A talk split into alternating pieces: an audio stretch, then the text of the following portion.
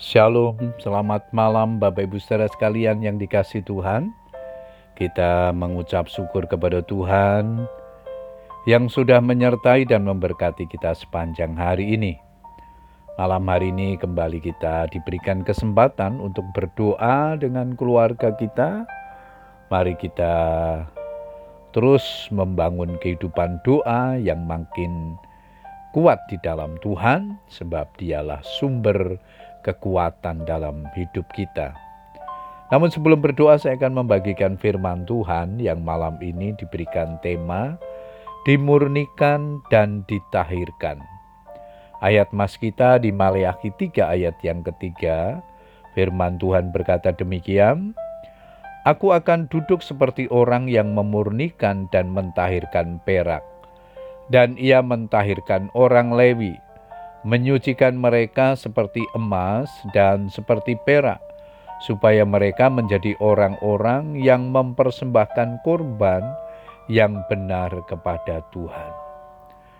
Bapak Ibu Saudara sekalian, ketekunan, kesetiaan, dan ketaatan seseorang dalam mengikut Tuhan dan melayani Dia perlu diuji kemurniannya, karena ada banyak orang yang melakukan hal tersebut dengan motivasi yang salah.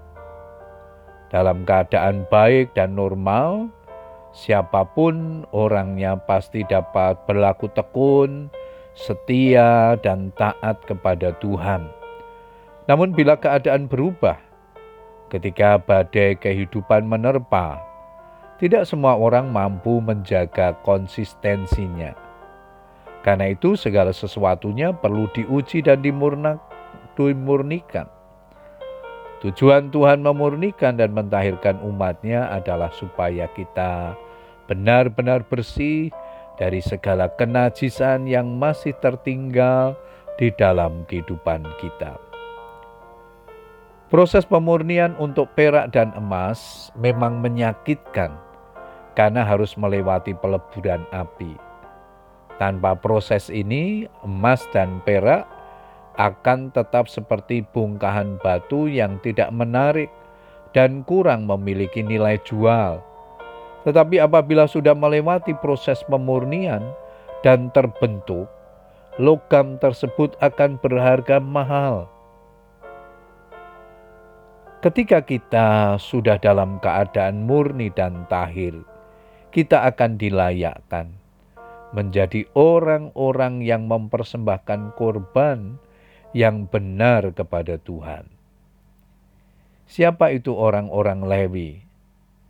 Mereka adalah satu dari dua belas suku Israel yang dikhususkan Tuhan untuk melayani dia.